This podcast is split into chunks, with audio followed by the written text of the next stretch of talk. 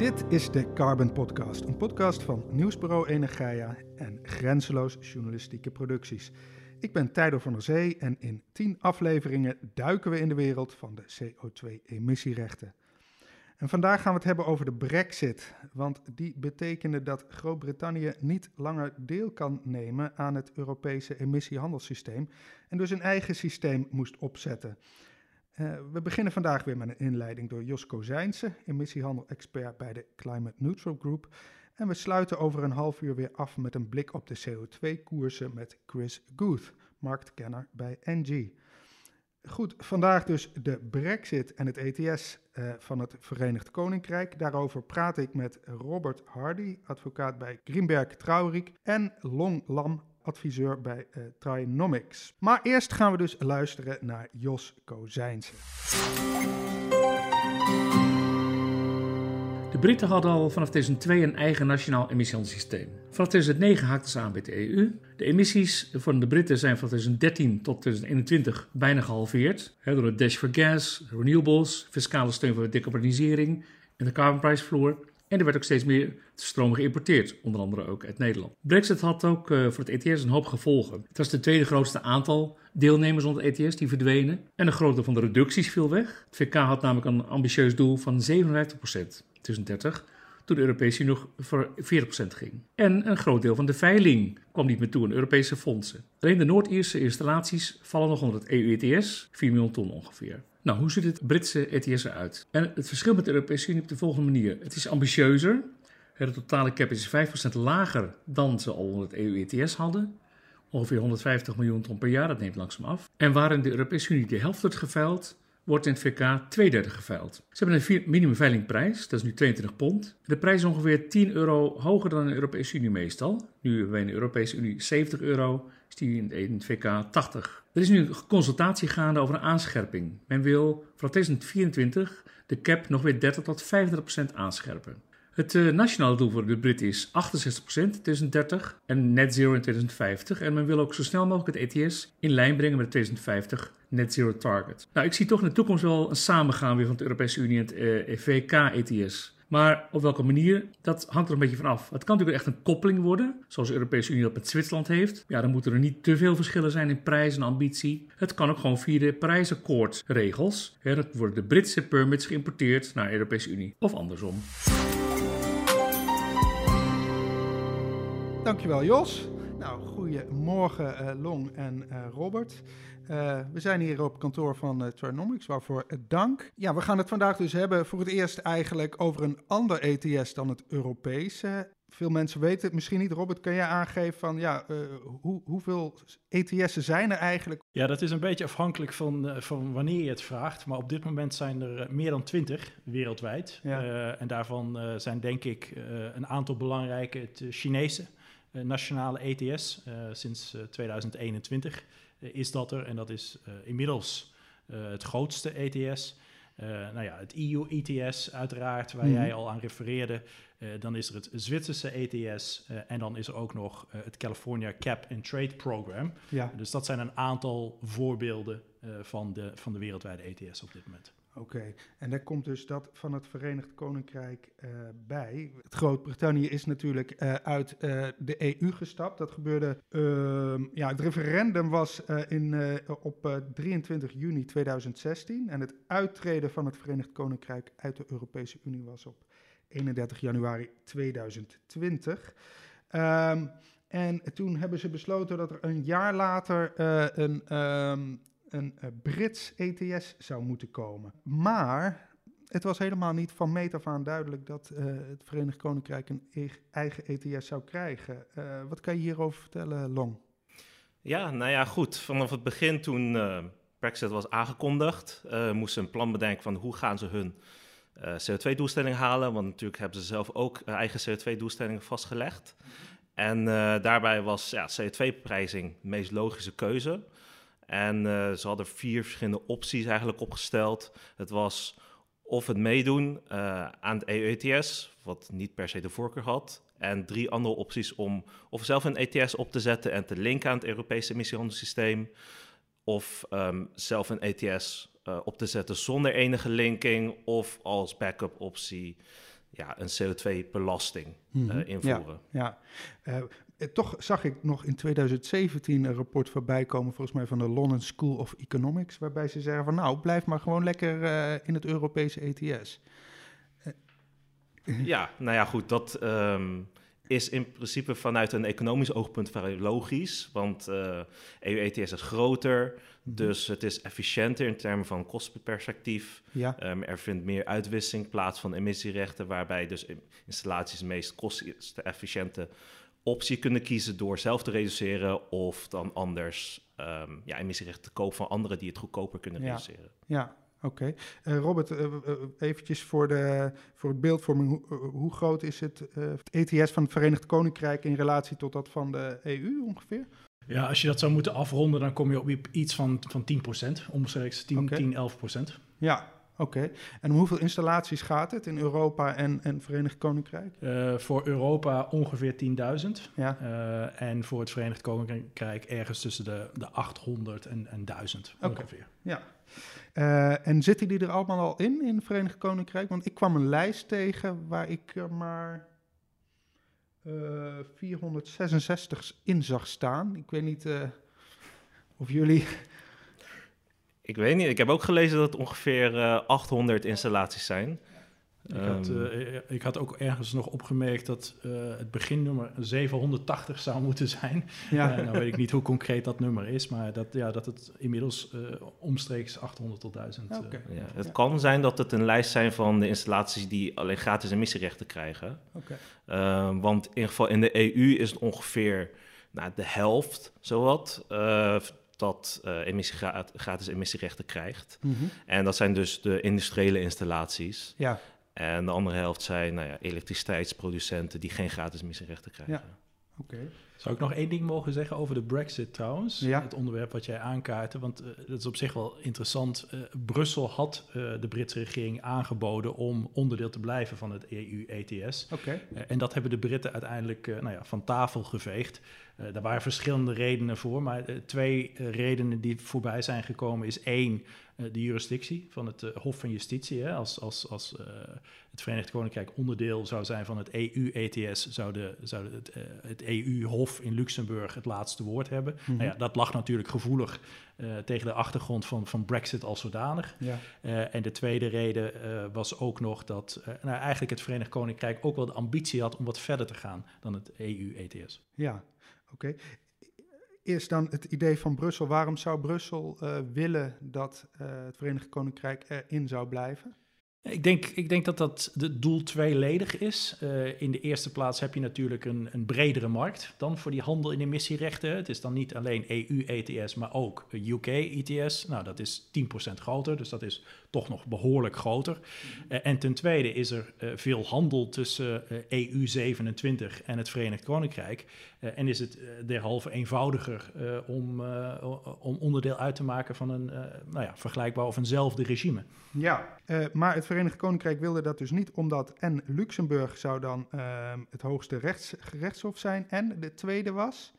Uh, dat, uh, dat het Verenigd Koninkrijk ook een wat hogere, althans dat, dat pretendeerde zijn, wat hogere ambitie had dan het EU-ETS. Long, kan je aangeven dan wat die ambitie is van het Verenigd Koninkrijk? Ja, het uh, Verenigd Koninkrijk heeft carbon budgets vastgesteld dat op uh, elke aantal jaren, volgens mij elke vijf jaar, dan um, hebben ze een maximaal aantal emissies dat ze uh, mogen uitstoten. En om richting te gaan naar net zero in uh, volgens mij 2050. Ja, en is dat ambitieuzer dan Europa? Um, op lange termijn is het ongeveer nu hetzelfde als mm -hmm. Europa. Uh, Europa heeft natuurlijk de afgelopen twee jaar veel uh, hervorming doorgevoerd en uh, de ambities bij aangescherpt ja. naar klimaatneutraliteit in 2050. maar daarvoor was het niet zo. Nee, want die um, um, lineaire reductiefactor van Europa was volgens mij 2,2, maar die is met het Fit for 55 pakket wat scherper naar beneden gegaan. Ja, klopt. Ja. Dus het voorstel van de Europese Commissie dat er nu ligt, is dat die naar 4,2 gaat. Ja. Dus ja, scherper naar beneden, meer in lijn met klimaatneutraliteit in 2050 voor Europa. Dus wat dat betreft liggen Groot-Brittannië en uh, Europa weer niet meer zo ver uit elkaar? Nee, op dit moment niet. Uh, maar ja, Groot-Brittannië moet ook nog haar uh, ETS aanscherpen. Dus ehm, wat ze hebben gedaan nadat ze uit het EU-ETS zijn gegaan, ze hebben ze een eigen cap vastgesteld. Deze cap was 5% lager dan dat ze onder het EU-ETS zouden hebben, uh, impliciet. En die cap wil zeggen de, het, het, aantal emissierechten. Ja, klopt. Ja. Dus het uh, aantal emissierechten, dus het emissieplafond eigenlijk. En uh, dat uh, laat ze dalen met ongeveer dezelfde percentage als in uh, de EU. Dus gaat nu op dit moment ongeveer even hard naar beneden met nou, ongeveer 2,2 procent vergelijkbaar als de EU. Mm -hmm. Maar um, ze zijn nu nog bezig ook met het aanscherpen van hun eigen systeem. Ja, Robert, strookt dat, die ambitie die dan toch wel stevig is, strookt dat eigenlijk met uh, de reputatie van de Britten? Staan die bekend als vooruitstrevend op dit gebied? Nou ja, ze hebben een, een, een, grote impact gehad wel op het tot stand komen van het EU-ETS. Uh, en, en uh, Groot-Brittannië, het Verenigd Koninkrijk, is natuurlijk ook een belangrijke economie in Europa. Mm uh, en dat was zeker zo ook ten tijde van de EU28. dus in zoverre, ja, wat, wat, wat, wat de Engelsen hebben ingebracht, dat heeft zeker wel meegewogen. Ja. Ja, en achter de schermen uh, horen we ook vaak wanneer we voor overheden werken dat Groot-Brittannië wel een van de ambitieuzere landen is. Ja. Dus uh, die meer pusht voor uh, ambitieuze maatregelen. Mm -hmm. Oké, okay. en dan las ik nog ergens dat um, Groot-Brittannië in 2002 een eigen schema had. Op basis waarvan het EU-ETS is een beetje ge gebouwd, op basis van die ervaringen. Klopt dat? staat jullie daar nog wat van bij? Um, ze hadden inderdaad in 2002 een eigen ETS opgestart. En dat was eigenlijk ja, een soort van pilot of voorbouw voor de EU-ETS. Um, de Britten zijn altijd voor marktmechanismes geweest. Mm -hmm. En dat was meer als een voorbeeld om te laten zien dat het uh, kon werken. Maar die Britten, daar, daar zit dus ook gewoon wel know-how. Het is niet dat uh, zij uh, in het diepe worden gegooid en niet weten hoe ze een ETS moeten opzetten. Klopt, ja. Er ja. zit heel veel know-how daar ook bij de Britse overheid, maar ook heel veel, ja, um, de hele adviesindustrie daar um, weet ook veel van het ETS. Mm -hmm. um, veel zijn ook opgezet rondom EU-ETS. Uh, dus het is geen onbekend terrein. Nee. En, en ten tijde van het EU-ETS had men ook een, een separate of een aanvullende carbon price floor hè, ter ondersteuning van het EU-ETS. Uh, en de gedachte daarbij is volgens mij ergens om 2013 ingevoerd, dacht ik. Uh, om, om eigenlijk de koolstofprijs te ondersteunen. Omdat men een, uh, die op enig moment te laag vond. Ja. om tot koolstofarme investeringen te komen. Is dat eenzelfde soort minimumprijs die wij hebben ingevoerd met die 30 euro? Ja, het is, want de carbon price voor die geldt alleen maar voor elektriciteitsproducenten. En het was enigszins ja, ingevoerd om juist de CO2-prijs op te krikken voor die elektrische producenten. Um, het verschil met de Nederlandse minimumprijs op, uh, op CO2 is de Nederlandse minimumprijs is gezet op een niveau dat eigenlijk lager is dan het Europese emissiehandelssysteem uh, prijs. Terwijl die van de UK, uh, dat was al op een niveau gezet dat hoger was. Oké. Ja. Dus dat is wel een verschil daarin. Ja, precies. Die hoefde daar niet uh, eerst onder te zakken of zo. Um, ja, ze hadden hem wel voor lange tijd bevroren. Ja. Omdat het gat tussen hun ambitieniveau van het uh, UK Carbon Price Floor en het EU-ETS te groot werd. Want de EU-ETS-prijs was voor lange tijd was te laag, waardoor mm.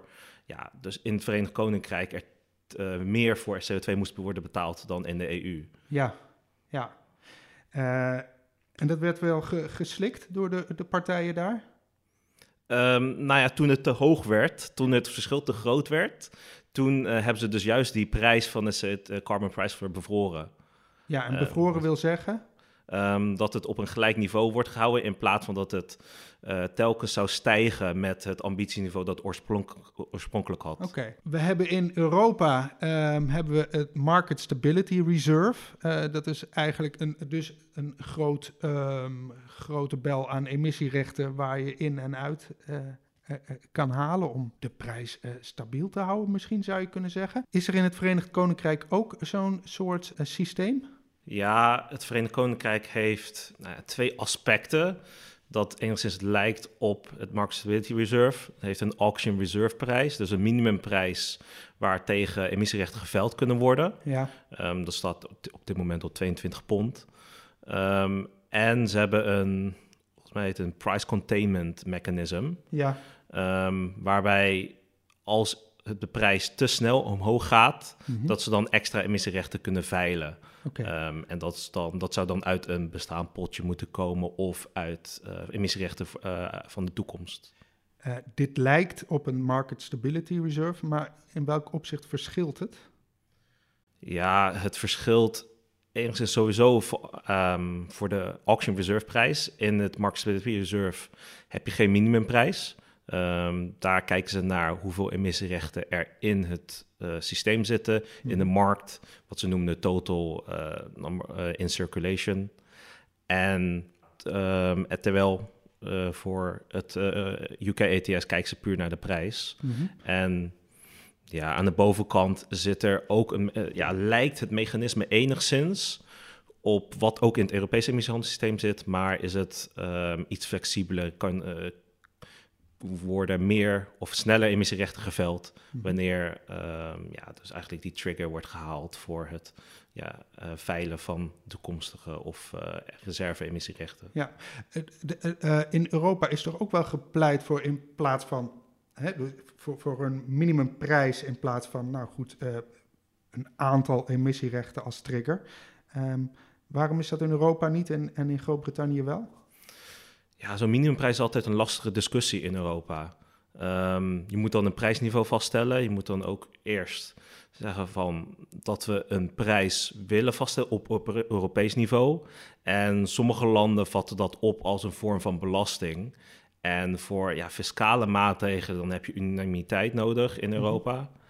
Um, en dat is lastig te halen. Er zijn ook argumenten die opgaan van, ja, dat heb je helemaal niet nodig. Maar het is een vrij lastige politieke discussie. Ja. Uh, daarom is Europa niet gegaan voor een uh, minimumprijs. Nee, en in het Verenigd Koninkrijk kon dat makkelijker. Ja, klopt. Nou zijn er dus, uh, wat jij al aangaf, Long, heel veel verschillende opties de revue gepasseerd. Het lijkt er nu op, als ik het goed begrijp, dat er een stand-alone um, ETS uh, komt. Maar er gaan ook uh, geluiden op om het te linken. Robert, kan jij uitleggen wat het zou betekenen om een ETS te linken aan het uh, Europese ETS? Ja, dat is eigenlijk wat, wat Zwitserland heeft gedaan. Hè. Zwitserland heeft uh, haar systeem gelinkt aan het EU-ETS. Uh, eh, nou ja, simpel gezegd ontstaat daardoor een grotere markt. Uh, mm -hmm. nou ja, in het geval van het Verenigd Koninkrijk dus 10, 10 11 procent groter zou het zijn voor het EU-ETS. en het maakt het wat eenvoudiger om qua, qua, administratieve handeling en dergelijke moment dat die systemen gelinkt zijn. Maar wat betekent linking?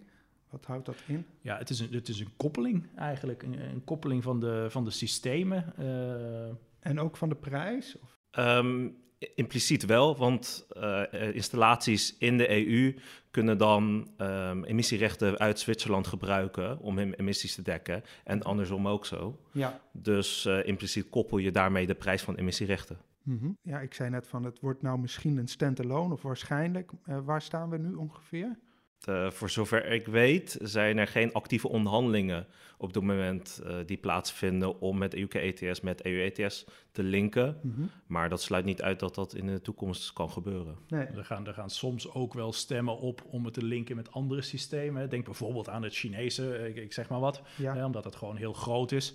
Uh, maar goed, ik, ik, denk dat dat zou moeten uh, leiden tot handelsverdragen en dergelijke. En ik, ik heb niet het idee dat dat op dit moment serieus wordt overwogen. Nee. Maar dan zou je het ook, omdat Groot-Brittannië met die brexit ook een stap heeft, een soort transatlantische stap heeft gemaakt. Zo van oké, we gaan uit het uh, uit Europa, dan kunnen we wellicht wat dichter aanschurken tegen de Verenigde Staten of misschien Canada. Dus dan zouden ze ook een link kunnen maken met het Canadese systeem of het Californische systeem. Kan. Uh, in Amerika hebben een, een, paar staten op dit moment een ETS-systeem. Californië inderdaad is denk ik daarvan de belangrijkste. Er zijn er nog een paar.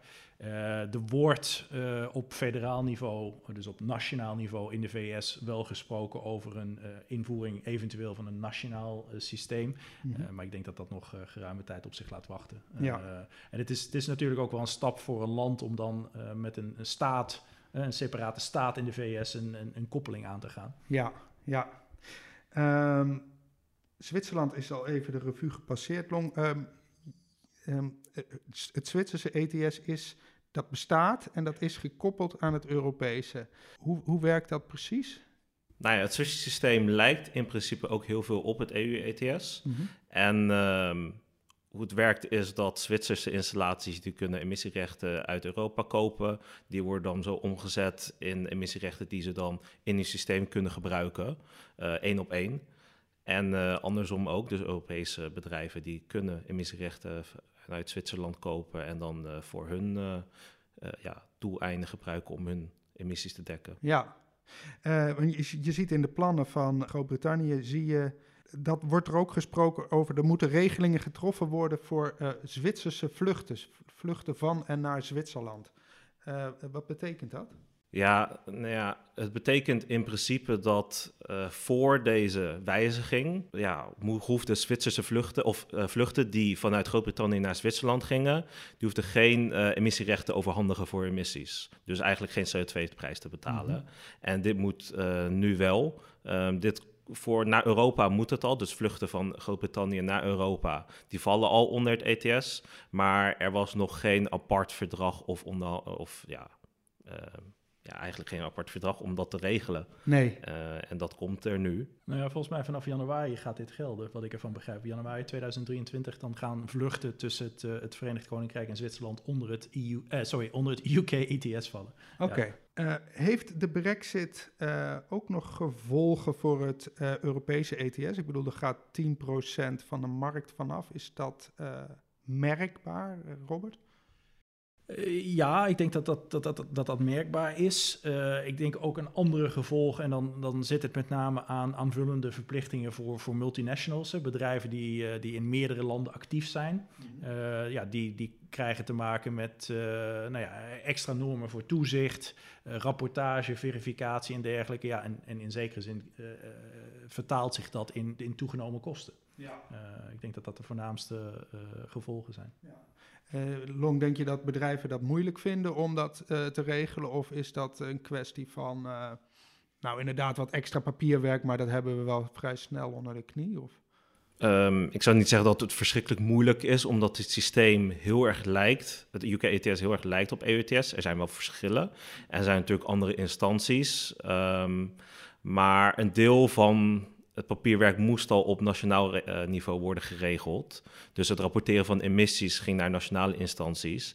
Dus in dat opzicht verandert er niets. Maar um, het uitwisselen van emissierechten, uh, dat bedrijven ook wel eens doen, vooral multinationals tussen installaties, mm -hmm. ja, dat kan nu niet meer. Nee. Um, en dat maakt het ja, iets moeilijker, maar ook leidt tot ja, minder flexibiliteit in termen van het halen van hun uh, emissiereductiedoeleinden of hun uh, kosten te reduceren onder het ETS. Gaat dat dan nog daadwerkelijk consequenties hebben voor de plek waar installaties worden neergezet? Nou ja, het is meer. Er zijn veel meer andere factoren die bepalen waar een uh, installatie wordt neergezet. Mm -hmm. Of waar een installatie wordt uitgebreid of iets dergelijks. Maar in termen van nou ja, klimaatbeleid op dit moment is, zou ik niet zeggen dat er verschrikkelijk veel verschil is voor naar industriële installaties. Nee. In het UK ETS is de CO2-prijs zelfs nu ietsjes hoger dan het EU ETS. Uh, maar het is niet op een niveau of een verschil dat het ja, echt uh, fundamenteel business cases gaat veranderen nee. voor bedrijven. Nee, daar komen we bij een uh, onderwerp wat ik ook nog even wil behandelen. Daar hebben we in een eerdere uitzending hebben we daar al uitgebreid bij stilgestaan. Dat is het CBAM, Carbon Border Adjustment Mechanism een mechanisme om carbon leakage tegen te gaan. Uh, Europa wil uh, daarmee aan de slag vanaf 2024, 2025. Maar wat wil het uh, Verenigd Koninkrijk, Robert? Ja, misschien, misschien nog een paar woorden over het Europese CBAM, als dat mag. Mm -hmm, ja. het, is, het is op dit moment natuurlijk nog een voorstel tot een verordening. Inderdaad, de tijdlijn die je aangaf is, is juist, maar subject to agreement tussen de EU-institutions. Mm -hmm.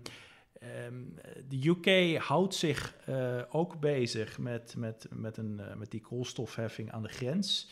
Um, dat doen ze eigenlijk op twee manieren. de enerzijds, enerzijds zijn ze input aan het leveren aan de Europese Commissie en andere voor wat betreft de inhoud van het Europese CBAM.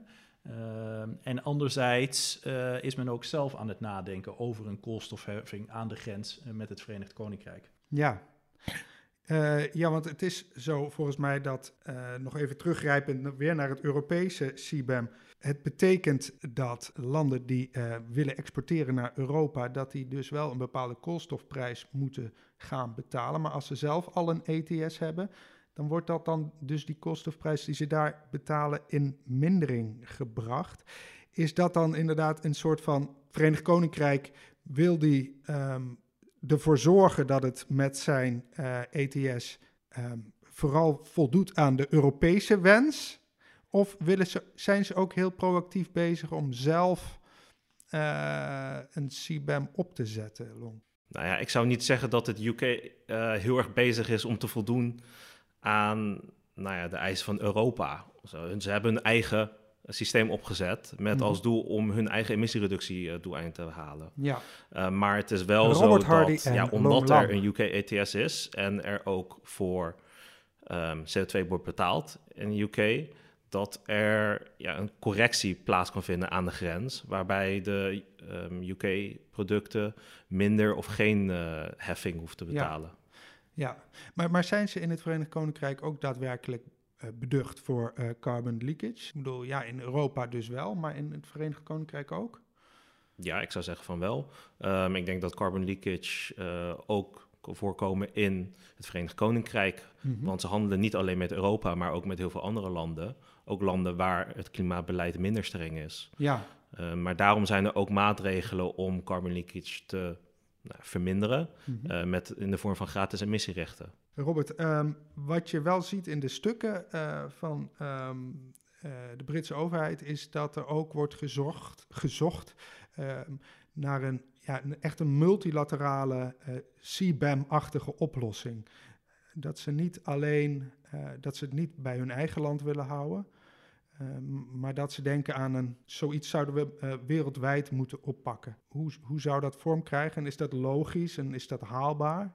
Lijkt mij, uh, ja, ik denk dat dat de meest ideale situatie is, dat je een level playing field creëert voor de wereld. Mhm. Maar ik denk dat de realiteit is dat het heel lastig is om te bewerkstelligen, omdat je met zoveel verschillende landen te maken hebt. Uh, en, en, en die incentives van die verschillende landen zullen ook niet noodzakelijkerwijs altijd hetzelfde zijn. Uh, ik denk dat het het mooiste en meest elegante oplossing is, maar in de praktijk lastig te bereiken. Ja, Klopt, ja. Want het is ook niet een nieuw idee. Uh, het is, uh, in de klimaatwereld wordt dat al heel lang geroepen. Mm -hmm. um, soms onder de naam van climate clubs of carbon clubs. Ja. Om met samen een stel landen eigenlijk uh, op te trekken op het gebied van CO2-beprijzing. En dan wellicht mogelijk aan de grens dan een dergelijke correctie uit te voeren. Ja, maar als ik dan dus lees multilateral approach of zo, dan is dat uh, wel, uh, dan, dan is dat een wens, maar we moeten daar dan ook weer niet al te veel geloof aan hechten dat dat uh, gaat gebeuren op korte termijn.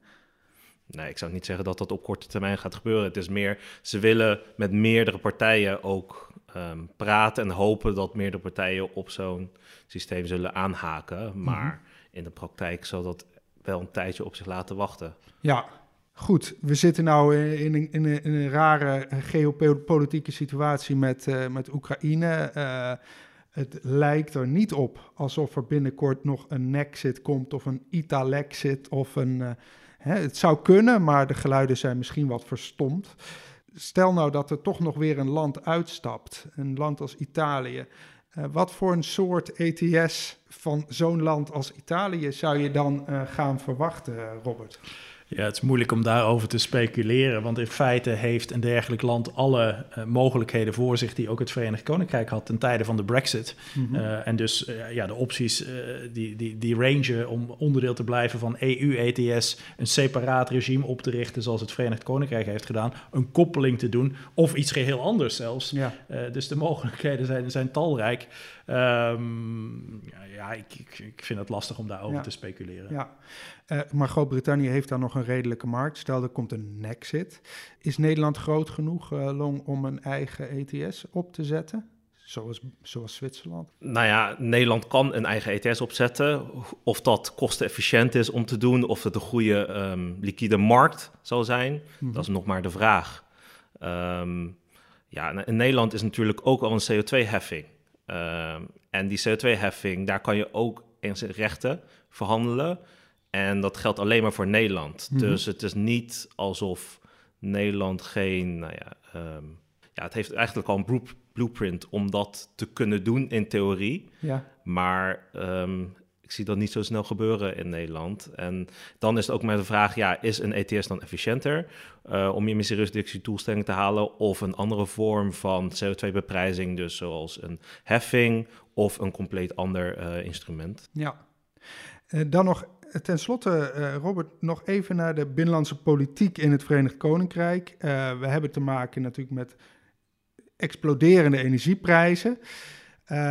We weten dat het ETS in feite een, um, een, een, een, politiek instrument is. Um, en aangezien, kijk, in Europa is het natuurlijk een, um, is het wat groter, is het minder makkelijk om aanpassingen te doen. Maar je zou in het Verenigd Koninkrijk kunnen denken van nou, elke regering kan uh, sleutelen en doen aan het ETS wat hij of zij uh, wil, zeg maar. Is dat een gevaar voor zo'n uh, nationaal ETS? In theorie ja, natuurlijk zit je met alle checks en balances ook op nationaal niveau. Hè. Dit is, het, is, de trias politica, je hebt de regering, maar je hebt daarnaast ook parlement en dergelijke. En, en, mm -hmm. en, en een rechter. En die zullen allemaal in, in zekere zin betrokken moeten worden bij dat, uh, bij dat stramien. Uh, ja, het is waar, er is een ontwikkelende energiecrisis en die is niet beperkt tot EU27. Die, uh, die strekt zich ook uit over uh, het Verenigd Koninkrijk. En, er is ook prijsinflatie. En ik kan me dus voorstellen dat er wel stemmen zullen opgaan tot eventuele aanpassingen op enig moment. Je, je, ziet dat misschien ook al nu met, met toch enig uitstel ten aanzien van de Europese CBAM. en ja, je kunt, je kunt je voorstellen dat er stemmen op gaan gaan om het, om het regime in het Verenigd Koninkrijk aan te passen. Ja, dank jullie wel. Robert Hardy en Long Lam.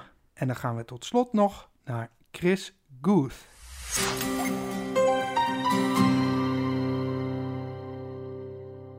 Goedemiddag Chris. Dag Tijdo, hi, goedemiddag. We hebben dus gezien dat er daadwerkelijk besloten is om geld uit het ETS te halen, uh, maar niet op de manier uh, zoals we aanvankelijk gedacht hadden. Nee, MSR uh, eh, lijkt van de baan inderdaad, voor wat betreft het financieren van Repower EU, om uiteindelijk op, op die 20 miljard euro uit te komen. Het probleem daarbij is dat deze rechten um, wellicht de markt niet zullen bereiken in het huidige scenario. dus er waren wat uh, tegenstanders voor deze variant, omdat dat in theorie ja, niet het klimaat uh, ten goede kwam, omdat je hiermee in potentie extra rechten aanbiedt aan de markt. Um, en niet voor de toekomstige leveringsperiode uh, wegneemt.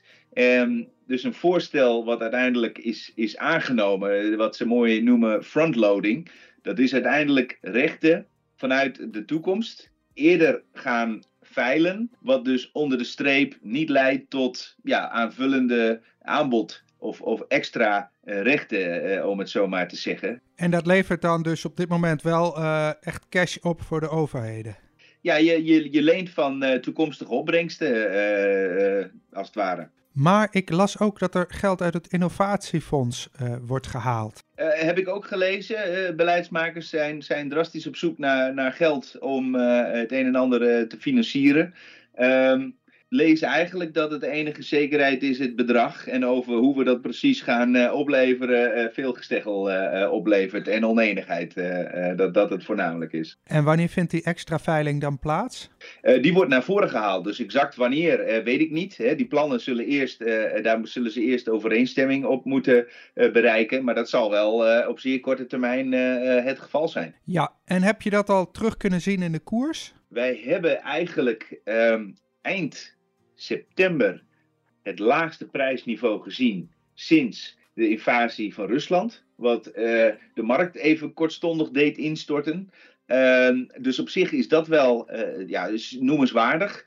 Ehm, vervolgens hebben we het bij de vorige podcast ook even over plannen gehad waarmee men niet 20, maar 30 miljard wilde uh, gaan, gaan uh, veilen op deze wijze. Nou, het is geen 30 miljard geworden, maar 20, dus dat deed de markt weer een beetje opleven. Maar ja, het is een uiterste onzekere situatie. Want ook recentelijk heeft Van der Leyen, nadat hier over overeenstemming bereikt is ook nog aangegeven of gesuggereerd dat de EU extra geld voor het Repower EU zou moeten gaan vinden.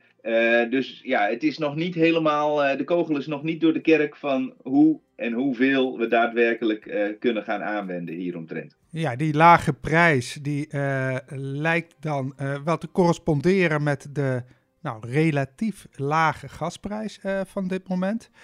Blijft dit gelijk opgaan zo? Ja, ik vermoed het wel. Ik, ik heb een vrij neutrale outlook voor wat betreft de emissieprijs. je ziet ook gewoon de afgelopen weken dat we toch tussen de 65 en 70 een beetje schommelen. Um, en ja, ik zie daar niet heel veel verandering komen zolang er nog gesticheld wordt over ja, hoe exact de plannen vorm moeten gaan krijgen feit blijft wel, en iets wat het opwaartspotentieel zal uh, blijven beperken, is dat er gewoon, hoe je het ook bent of keert, op zeer korte termijn uh, een flink aantal rechten zullen worden geveld. Dus zeg maar extra aanbod voor de markt en in ieder geval uh, de het opwaartspotentieel zullen gaan beperken. Ja, helder. dankjewel, Chris. Jij ook, Tijdo. Dat was het weer. De één na laatste aflevering van dit seizoen. Over drie weken de tiende en laatste aflevering van de serie en daarin proberen we een conclusie te trekken. Is het ETS een succes? En is het opgewassen tegen de geopolitieke storm die over onze samenleving raast? Gast dan vanuit Brussel, geestelijk vader van het ETS, Jos Delbeke. Mis de aflevering niet en abonneer je dus op de Energia Carbon Podcast in je favoriete podcast